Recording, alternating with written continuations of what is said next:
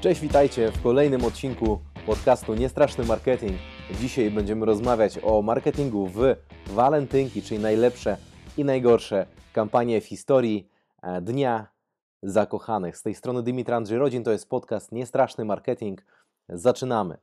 E, walentynki to jest czas romantyzmu, miłości, ale też okazji do zarobienia pieniędzy przez firmy, które korzystają na tego typu e, świętach i na przykład produkują kwiaty, prezenty, e, sklepy internetowe, stacjonarne, które sprzedają na przykład biżuterię, perfumy, kosmetyki, ubrania, akcesoria, wszystkie na tym oczywiście korzystają.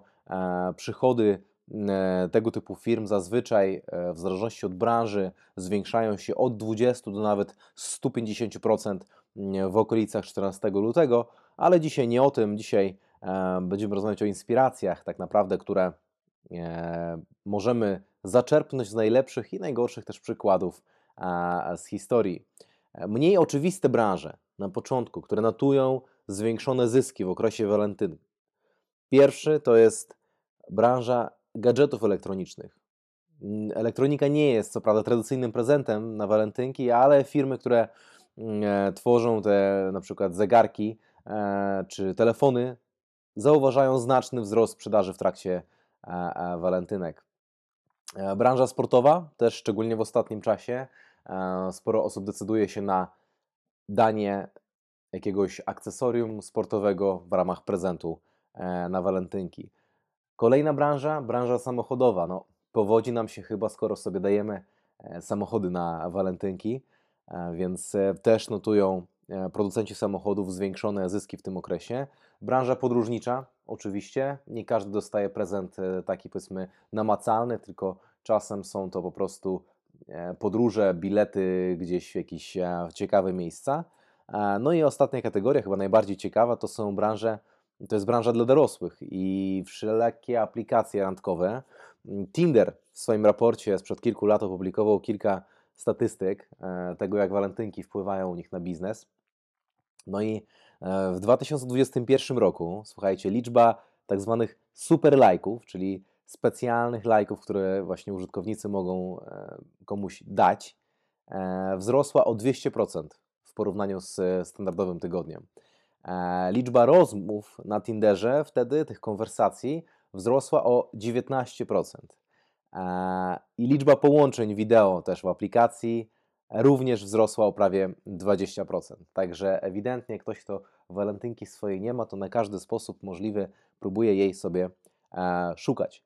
Jeszcze parę przykładów. E, Bylays e, w 2019 roku uruchomił kampanię Galentine's Day. No i chodziło o to, że kobiety, które akurat nie mają partnerów, mogą świętować sobie z lampeczką e, czy szklaneczką wręcz Baileysa z koleżankami.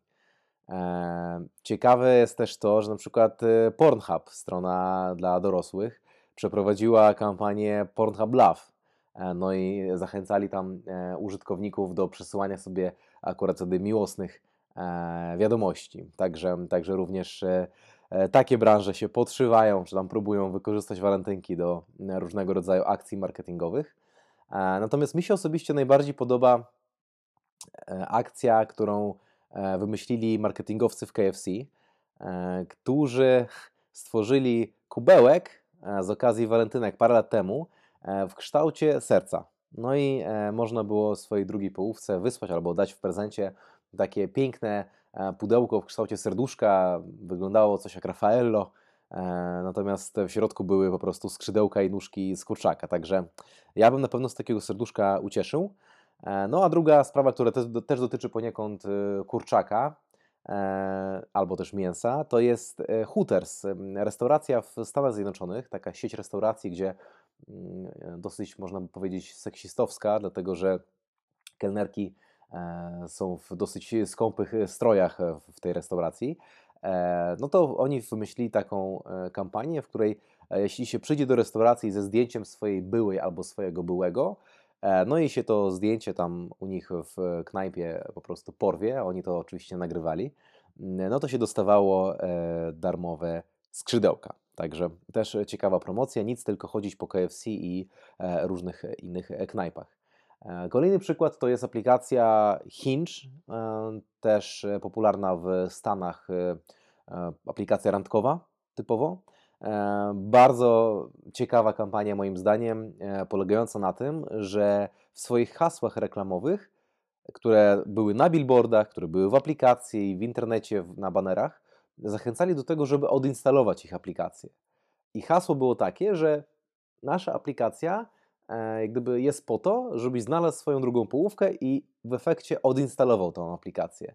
No i e, efekt tego e, przedsięwzięcia, tej kampanii był taki, że zamiast ta liczba użytkowników zamiast zmaleść, no to wzrosła o 45%. Na tyle, na tyle ciekawa to była kampania i zainteresowała ludzi.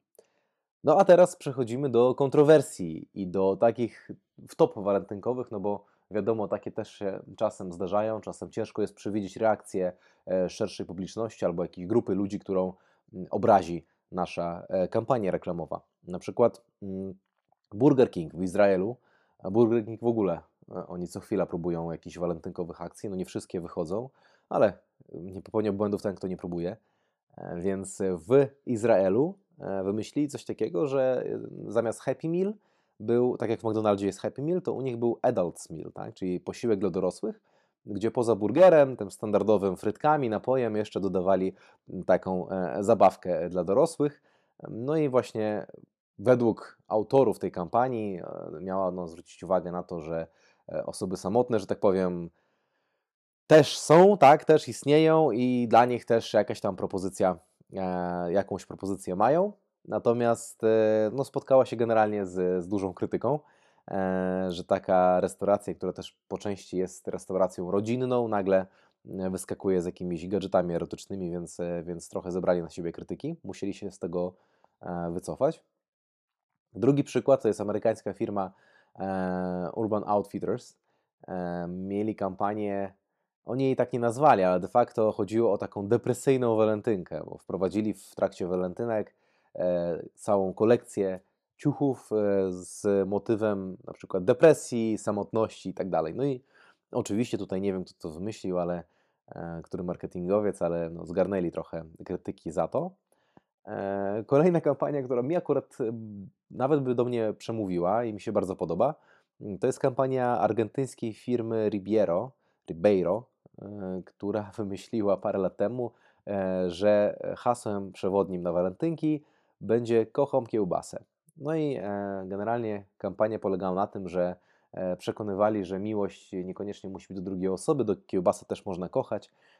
No tu się oburzyły różne środowiska, feministki, tam wegetarianie i tak dalej, więc też zebrali trochę krytyki.